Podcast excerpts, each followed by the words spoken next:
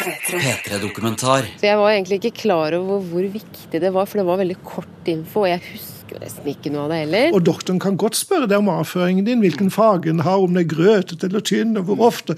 Ganske intime spørsmål. Det gjør de uten å rødme, men de spør ikke om seksualitet. Helsevesenet per 2012 burde ha vært kommet så langt at ingenting lenger burde være tabu. De flaue legene. En P3-dokumentar om unge pasienter som lider fordi Helse-Norge synes sex er flaut. Av Andreas Falkenberg, Marielix Isdal Voasa og Nares Sakov. Og det er klart vi har ulike kulturer, religioner, seksuelle legninger og sånt, og det Alt det her er jo ulikt fra person til person, og helsevesenet mener jeg burde være i stand til å takle og snakke med hver enkelt individuelle vesen ut ifra deres situasjon. Thomas Nylund er 33 år og lever med stomi, altså en utlagt tarm. Jeg kjenner muslimer med stomi. Og det er klart at det er et lite problem for dem, for de har noe i forhold til sin religion som sier noe om avføring og skittenhet og, og den type ting. Uh, Sjøl er jeg homofil, uh, og samtidig fått fjerna rektum. Det ingen leger som har snakka med meg om hvilke konsekvenser det eventuelt kan ha, eller vil ha. Eller hadde, som jeg ser var veldig ung når, når det her skjedde. Eh, så jeg syns definitivt ja, at det er, det er, veldig uprofesjonelt av helsevesenet å ikke tørre å, å, åpne for en samtale om det. Hva syns du om at etter at du må gjennom denne operasjonen, men hva syns du egentlig om det? Hva føler du om det? Trenger du å prate videre med psykolog, sexolog, den type ting?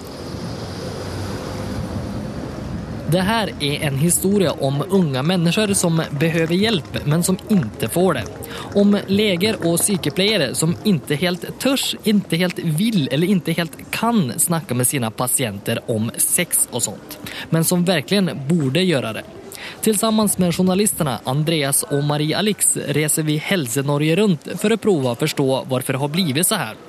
Och vår resa den skal så småningom ta oss til et litet bakrum av en sexsjappe i Oslo. For det er dit mange andre pasienter havnet innan oss. Men eh, resan den starter i Sandnes hos 27 år gamle Anja Haugland. Han var 20, og eh, vi traff hverandre, data en del, og jeg, eh, jeg dro det veldig ut. Stort sett så var jeg vant med at med en gang jeg traff noen, så fortalte jeg de om både sykdom og pose og alt. For uh, mor mi og far min lærte meg veldig fint at hvis du vil unngå at dette her blir snakket om, bare vær åpen om det. Da er det ikke noe som noen kan gå og snakke om bak ryggen din. Så det, det gjorde jeg til en regel. At det, det her er meg. Og, eller det her er en del av meg, og sånn er det bare. Men her, når jeg da traff en som jeg likte, så var ikke det så lett lenger. Da var det plutselig ikke bare bare.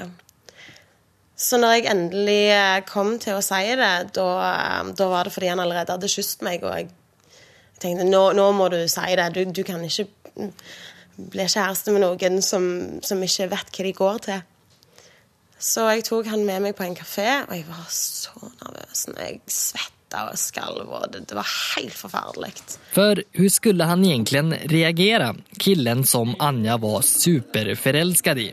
Men til slutt så gjorde hun det bare. Sa det rett ut. At hun hadde en utlagt tarm. Og han òg heldigvis bare la armen sin rundt meg og trykte meg inntil seg og spurte om jeg virkelig trodde at det skulle være av noen betydning. Så jeg var heldigvis veldig heldig der. Og selv om han var så forståelsesfulle og var så fantastiske, så var det veldig skummelt når vi hadde vært sammen veldig lenge, og, og det kom til punktet der vi skulle ha sex. Uh, men heldigvis så var han tålmodig, og vi tok det veldig gradvis. Jeg viste han aller først uh, posen uh, og utstyret, bare sånn at han fikk se hvordan det så ut uten at det var på meg. Så fikk han se det bare med at jeg åpna buksa og viste hvordan det så ut, uten at det var noe annen nakenhet inni bildet. Og så, så tok vi liksom bare sånn veldig forsiktig før jeg var naken med den. Og, eh, og da ble det bare veldig fint og, og veldig ok. Vi møter Anja i hennes lägenhet i Sandnes der hun bor sammen med sine två hundar. Nå sier hun uføretrygdad og uten kille, men fortfarande med en liten brun påse utenpå magen. Det, det syns jo ikke i det hele tatt Nei, sant? ellers. Nei, altså det, det, nå har det begynt å føle Det ser liksom ut som du har noe i lommen. Ja. Det var en gang en Det var når vi var 15, så var det en som Da hadde det blitt ganske fullt, og så var det en som spurte hva du har i lommen. Jeg er bare noe drit.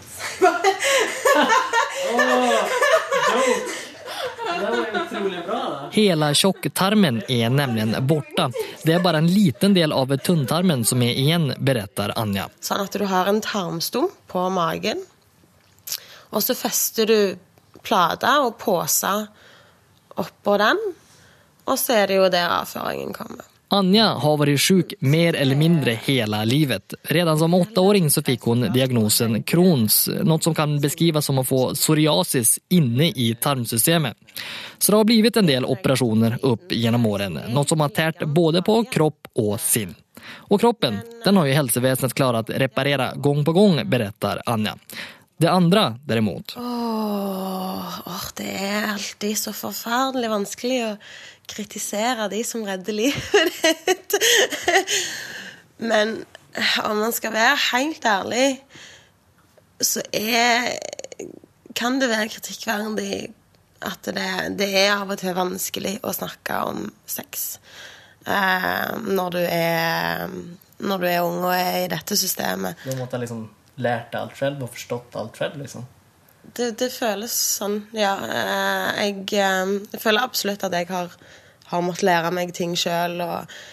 Du, du får liksom beskjed gjennom helsevesenet akkurat konkret det fysiske av det du, du skal. Og så må du bare Noen av tingene må du lære deg sjøl. av det fysiske, faktisk. Og alt av, av de psykiske følgene, og alt av det du er nødt for å, å tenke igjennom og, og lære deg med hvordan du skal ha det godt med dette, det, det er kun erfaringsbasert. Du kan snakke operasjonsteknikk og medisiner som kan være bra for det ene og det andre, og så kjenner du til de intime delene som går på seksualitet, selvbilde og sånt, og så er det ingen som tør å prate med deg om dine innerste tanker og følelser som du ligger i sykeseng helt alene med. Thomas Nylund vet hva han snakker om.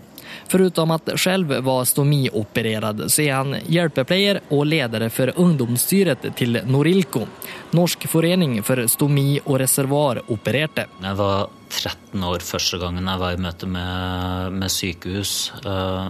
Eh, Så om de egentlig syns at jeg var for ung på det tidspunktet til å prate om det, det vet jeg ikke. Men det, så vidt jeg kan erindre, så var det aldri snakk om noe med seksualitet og partnere i framtida og sånt. og uh, det lille jeg kan huske, er at det var så vidt snakk om at ja, du må liksom tenke litt på det her med selvbildet ditt, og at du vil få en annerledes kropp enn alle andre. Eh, Men så hadde jeg også en periode fra 2003, altså når jeg var 24 år og fram til jeg var 28 år, hvor jeg var veldig mye innlagt. Eh, Men allikevel da også følte jeg liksom at det her med seksualitet og intimitet, selvbilde, alt det, det var liksom Du måtte i så tilfelle spørre om det sjøl, er det noe man kan prate med om det hvis at man følte at man hadde behov for det. Det var ikke noe som legen eller sykepleierne ga deg som et tilbud. Jeg tror i løpet av de fire årene som jeg var innlagt nå i ja, la oss kalle det voksen alder, så var det vel kanskje ei som torde å prate direkte med meg om seksualitet. Og det har jeg opplevd på seminar hvor jeg har snakka med sexologer f.eks., som har sagt akkurat det samme. liksom at mange kommer til en sexolog etter å ha leita internett rundt liksom for å finne noen å prate med. Det er svært sjelden at en lege eller sykepleier sier at ja, men det kan du jo snakke med en sexolog om. Eller hvordan er det med sexlivet nå etter operasjon? Fungerer det? Har du ereksjon? Manglende ereksjon? Liksom, det, helsevesenet tør ikke. har han vært i? Det ligner litt på noen andre sørlandsbyer, som Risør Men så måste man ju undra, vad ligger egentligen i begreppet sexualitet? Och vad betyder sex för oss människor? För att få svar på de här frågorna så har vi kommit till ett gult hus i Grimsta och in på kontoret till en känd och rätt frispråklig lege och professor i sexologi vid universitetet i Agder. Espen Ester Pirelli Benestad. Seksualitet er jo kolossalt mye. Vi, vi spurte et representativt utvalg av det norske folk om, på en måte om det. altså hvilke, Hvorfor har vi sex? Og Det gjorde vi i 87, og i 97 i 2007. Eh, og Da ga vi en masse tilbud. Vi har sex for å lage barn, vi har sex for, for avspenning vi har den erotiske spenningen i kroppen, vi har sex fordi at vi ønsker å gi uttrykk for kjærlighet. Og, og spurte vi hva, hva er viktig for dere, spurte vi Ola og Kari. og Så svarte Ola og Kari at det viktigste det er at sex er et uttrykk for kjærlighet, og det er å tilfredsstille behov for intimitet og nærhet. Hva er det man da tar fra et menneske når man da hindrer det i, eller ikke hjelper det med, eh, sin seksualitet? Jeg er jo doktor i utgangspunktet. Og i, i medisin så har vi noe vi kaller for de naturlige funksjoner. Og det er avføring og vannlating, appetitt og søvn og alt det der. Og egentlig også seksualitet. Så seksualiteten er med i det vi regner som en naturlig kroppsfunksjon. Vi vet også at god seksualitet gir god helse på veldig mange plan. Ikke bare psykisk, men faktisk også fysisk. Slik at hvis du tar fra mennesker muligheten for seksualitet, så tar du fra dem helsa deres i videste forstand.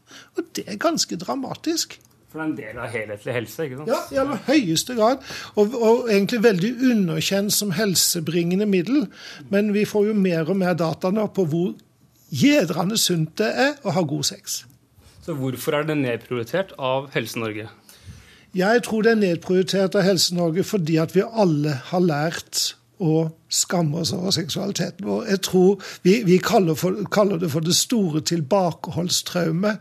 For husk jeg sa det der med at doktorer de, det er med i de naturlige funksjoner. Og doktoren kan godt spørre deg om avføringen din, hvilken farge den har, om den er grøtete eller tynn, og hvor ofte. Ganske intime spørsmål. Det gjør de uten å rødme. Men de spør ikke om seksualitet. Vi synes, nei, vi kan ikke spørre om det, men vi spør jo om du har tenkt å ta livet av det. Som om, som om ikke det var intimt nok. Vi strevde jo i mange år vi, for å få integrert sexologien i medisin og psykologi i utdanningen. Og alle syntes ja, dette er viktig, og sånn, men det var ingen som hadde plass til det. Sånn? Jeg har prøvd å intervjue Helse-Norge i tre uker nå om den saken her, og aldri, ikke fått et svar ennå. Så de er, de, er, de, er veldig, de er, veldig, unnvikende i forhold til å helt tatt eh, besvare et eneste konkret spørsmål om dette her. Ja. Det er for vår erfaring til nå. da. Ja. Er ikke det påfallende, da? Jo, det er veldig påfallende. Ja. Og, og, og det, vår løsning da, det var jo å lage sexologifaget. Det, det laget vi. Vi beskrev det innholdet og sånn. og så og, og, så lagde vi da det til et fag og sendte det ut til alle norske universiteter pluss Høgskolen i Agder og sa at her har vi et fag, vil dere ha det, så ta det. Skal få det. Og, og Høgskolen i Agder tok det. Og det har jo da blitt sexologifaget nå på Universitetet i Agder. Og, og vi sitter og er professorer i sexologi, og det er jo interessant. Altså Selvfølgelig er det alt, det snakkes altfor lite om seksualitet. Nå har jeg i 15 år undervist helsepersonell om at de må gå ut og snakke med pasientene om seksualitet. Og det snakkes fremdeles veldig lite om det. Visst er det vel framsteg, men de er altfor små, mener Tore Borg, som er kreftsykepleier og sexologisk rådgiver her ved Radiumhospitalet. Men jeg tenker at enhver helseinstitusjon hvor hvor den behandlingen pasientene får, hvis den får konsekvenser for seksualiteten, så må vi snakke med pasientene om det. Hvis du er sykepleier, f.eks., så tenker jeg at hvis du jobber med, jobber med diabetesproblematikk, sukkersyke, jobber med kreftpasienter, jobber med hjertepasienter, og ikke snakker om seksualitet, da gjør du ikke jobben din. Vi står på gatan i Oslo og ringer Helsedirektoratet for å spørre om et radiointervju. For som ansvarlig myndighetsorgan så borde de ju kunna svara på all den här kritiken. Mina kollegor Andreas og Maria Lix har jo provat å få kommentarer i lang tid nå, uten resultat. Hei. Eh, ettersom dette er siste dagen dere kan komme med noen kommentarer til den saken vi har snakket om de siste tre ukene, så lurer jeg på om du har funnet noen som kan gi oss noen svar? Det er 5 sjanse. Takk. Ha det bra. Jeg vet ikke. Det var Ok, Per nå så er det ingen som Så har de ikke funnet en fagperson som kan svare oss på, på de spørsmålene vi lurer på. Uh, og de personene som vi opprinnelig hadde avtale med, er enten i permisjon eller er ikke tilgjengelige. Um, og hun har for så vidt ikke svart oss på um, Varför? Varför hvorfor. Hun har ikke svart, svart på hvorfor. Jeg vil si altså den informasjonen jeg fikk i forhold til det med disse sammenvoksningene, det var jo på slutten av eh, behandlingen. Så var jeg ferdig med ble lagt i narkose, for jeg hadde noe som heter innvendige strålinger. Og det har også mye å si for ødeleggelser i hundelivet. Men, men nok om det. Og da, da var det en lege som kom oppå, men da sitter jeg der litt sånn i rus etter narkosen sammen med min mor. Nå har jeg heldigvis et godt og nært forhold til min mor, men det er jo ikke alle som kanskje har på samme måte som meg. Og så kommer han med sånn der, en liten plastikkstav. Og den, ja, og den plastikkstaven det var for at man skulle bruke den i forhold til å unngå sammenvoksninger i, i underlivet. Og det, for å si sånn, en dårlig form for dildo. Jeg kan jo kalle det det.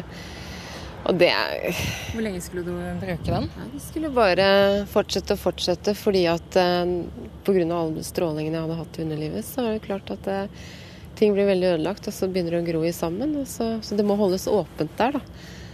Og det var ikke veldig greit. Så jeg var egentlig ikke klar over hvor viktig det var, for det var veldig kort info, og jeg husker nesten ikke noe av det heller. Jeanette Hoel provar fortfarande att komma sig efter behandlingen av livmoderhalskräften som hon fick för två år sedan. Vi sitter på en parkbänk en solig eftermiddag och 34-åriga Jeanette suckar och slår resignerat ut med händerna när hon berättar om tiden hon nu varit igenom med smärtor och blödningar i underlivet. För hur ska man berätta hur ting hänger ihop till samboen när man själv nästan inte vet något? Jeg har heldigvis en samboer som tydeligvis er veldig glad i meg, så han er utrolig tålmodig. Men det er jo klart at eh, det påvirker jo litt. Jeg får dårlig samvittighet. Jeg føler det er veldig min skyld at jeg liksom backer ut litt. Grann. Så, og det gjør jo også noe med selvtilliten. Det, jeg tenker på de som ikke er i et sånt forhold som jeg er i. Men jag bara undrar, vad, vad önskar du hade kunnat bli gjort annorlunda från alltså, lägerens ståsted og den hjelpen du fikk både förkant og efterkant? Jeg, jeg skulle ønske at man hadde fått en god informasjon om dette her faktisk eh, fra omtrent ikke dag én, men altså i begynnelsen. Og fått oppfølging underveis. Hvordan skal du forholde deg når man er under behandlingen også? I forhold til cellegift og, og sånne ting òg, for det kan jo skade partneren ved, ved samleie. Og, og jeg hadde ønsket at de hadde også tatt med for de som har en partner, at de tar med vedkommende på laget fra dag én i forhold til det temaet her også. For jeg tror partneren blir veldig usikker i forhold til hvordan han eller hun skal forholde seg. da. Skader jeg eh, min partner, eller ja. Og også i etterkant. At det hadde vært et eget team som var Som ikke sto omtrent og rødmet når de sto der og må bruke den. ikke sant? Jeg, jeg kan godt forstå at ikke alle legene syns det er noe ålreit, for det er kanskje ikke den delen de ønsket å, å drive med. Men å plukke ut et eget team som kan følge opp dette her, det tror jeg hadde vært en veldig god idé. Og jeg kan ikke skjønne at det skal være så veldig kostbart heller, faktisk. Talking sex is in fact very cheap. It's one of the cheapest ways of uh, treatment.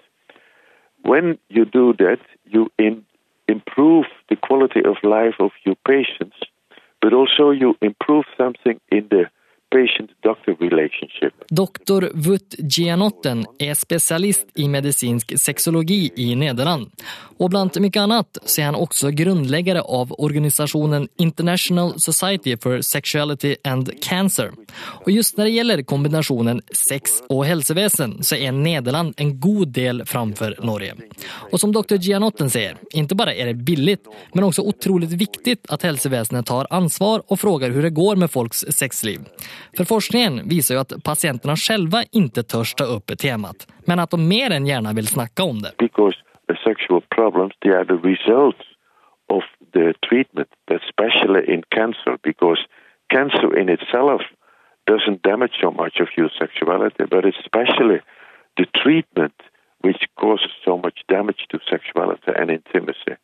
So.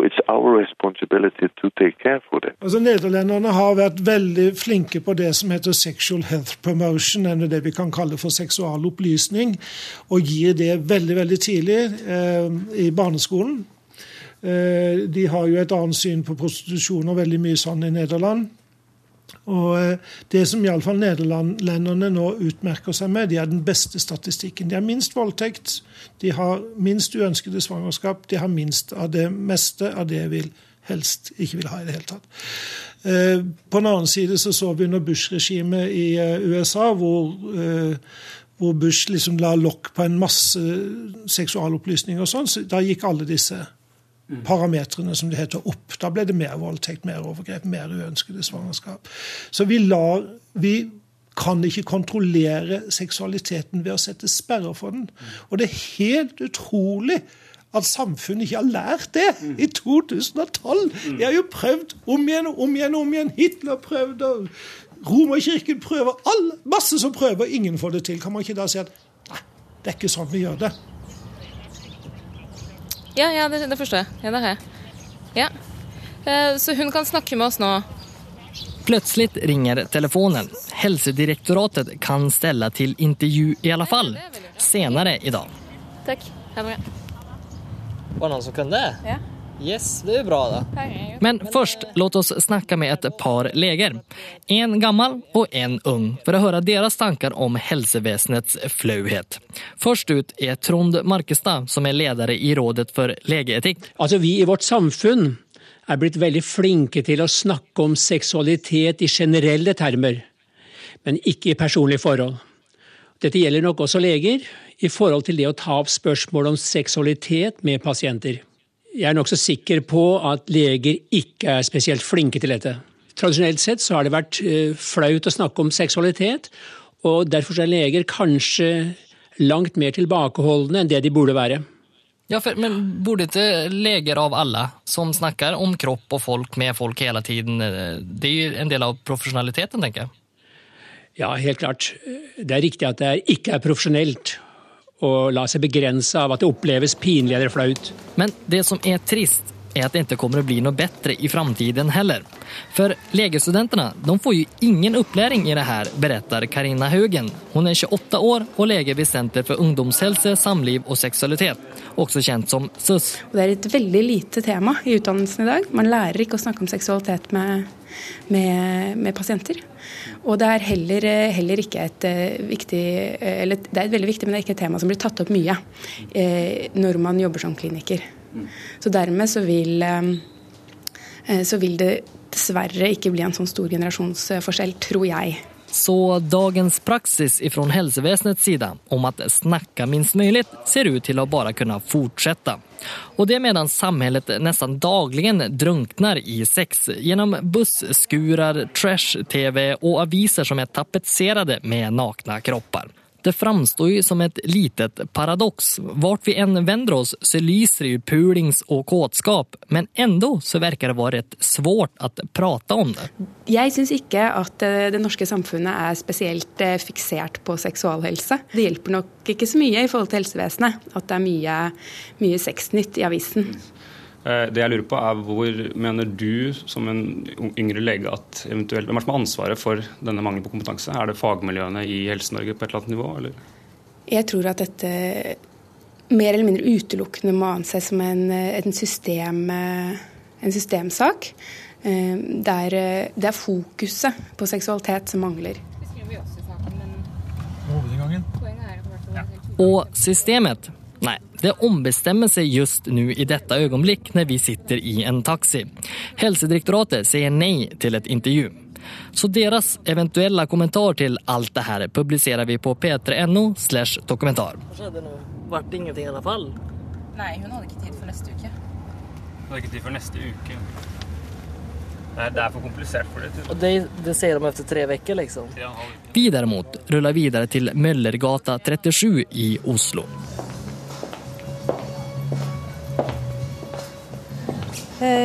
Disse histaminene som eh, eh, er virkemidlene i allergimedisinene, kan for noen, ikke alle, men kan ha en litt uheldig virkning på kraften og blodtilstrømningen i penis. Så da er penisring kjempefint eh, hjelpemiddel. Monica Solberg står under noen spotlights ved en hylle og viser fram penisringer i ulike farger, som mange kunder kommer for å kjøpe nå om våren. Men hvorfor står vi her? Jo, sexbutikken Flørt klarer jo noe som helsevesenet tydeligvis ikke klarer. At snakke intimitet og hjelpe folk med sexlivet. Alt fra de helt unge 16-17 år gamle eh, guttene som får kreft, f.eks., til eh, mannen eller kvinnen på 65 som får kreft og total anvendelse av i hvert fall det fungerende samlivet da, og intimiteten. Så det gjelder også i alle aldersgrupper.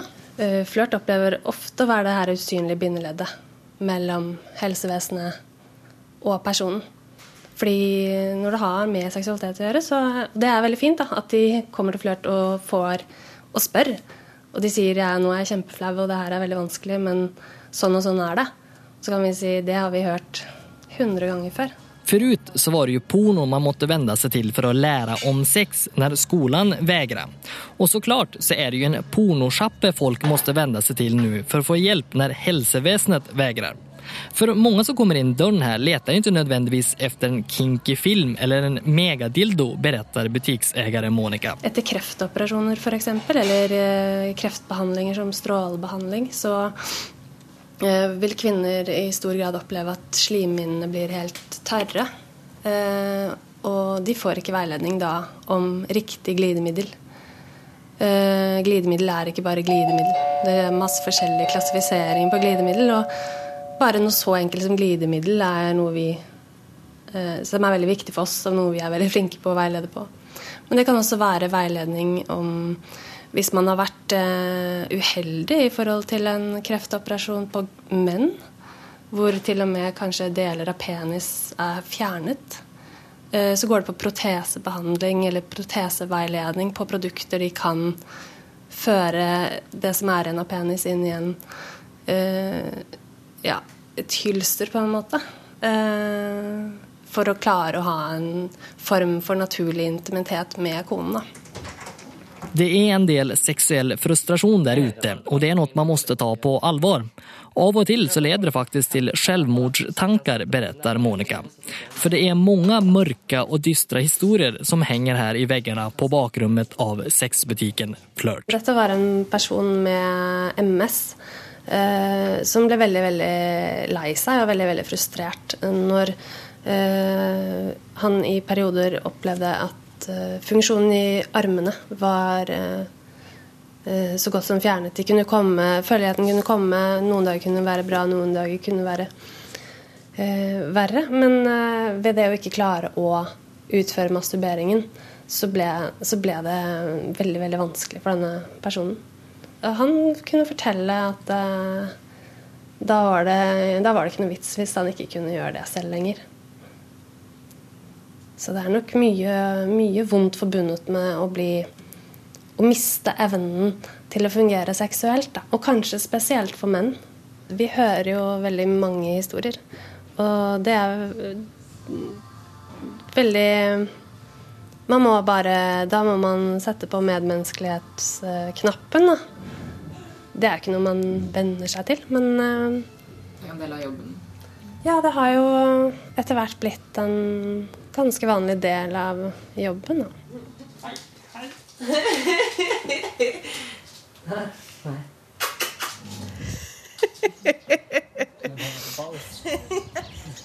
Det er jo absolutt eh, den største svikten eh, med informasjon i mitt tilfelle. Det er at når jeg eh, var 21 og da skulle vi, hadde lyst til å bli gravid, så tenkte jeg det var lurt å iallfall ta en samtale med legen min om det var kanskje noe ekstra vitamintilskudd jeg måtte ha, eller et eller annet som Altså, det er noe med det. Du bare føler på deg at du må, du må ta dette med legen din. Og når jeg da kommer og forteller dette, så får jeg beskjed om at eh, Men det er jo Det er jo mest sannsynlig at eh, det ikke går. Og da ble jeg ble så satt ut. Jeg fikk så stort sjokk. For jeg had, har vært liksom etter legene mine opp igjennom og, og spurt veldig etter dette her. Om, om dette skal ha noen påvirkning for, for uh, muligheten min for å bli gravid og, og, alt dette her. Og da har jeg fått beskjed om at nei, det, det skulle det ikke. Og, og jeg har regnet med at da, da var det greit. Uh, jeg hadde noen voldsomt, voldsomt intense operasjoner når jeg var 16 i 2001. Da, da var det veldig, veldig, veldig ille, og det var, det var, så vidt de klarte å redde meg. Og jeg regner med at de har, ehm, de har vært så fornøyde med seieren med, med akkurat det å, å, ha livet mitt i behold, at alt annet har liksom virka uviktig. Men det er jo ikke uviktig for meg at uh, evnen min til å få barn 99,999 sikkert er borte. Og uh, det burde jeg fått beskjed om. Det burde jeg fått beskjed om der og da, sånn at jeg kunne allerede da begynt å forberede meg på det og være klar over det. Og ikke komme som 21-åring og være klar for å stifte familie og plutselig få slengt uh, i fleisen at det ikke var, var mulig. Og han som jeg var i lag med da, eh, var ikke heller så innstilt på adopsjon og, og sånn. Og da eh, det, det, var jo mange grunner til at eh, vi gikk ifra hverandre, men det gjorde det ikke akkurat lett for forholdet at alt dette her kom. Og hadde jeg visst om alt dette her fra før av, så hadde jeg jo sluppet å stå i den situasjonen. P3-dokumentar søndag klokka ni på P3 og når du vil på p3.no. P3.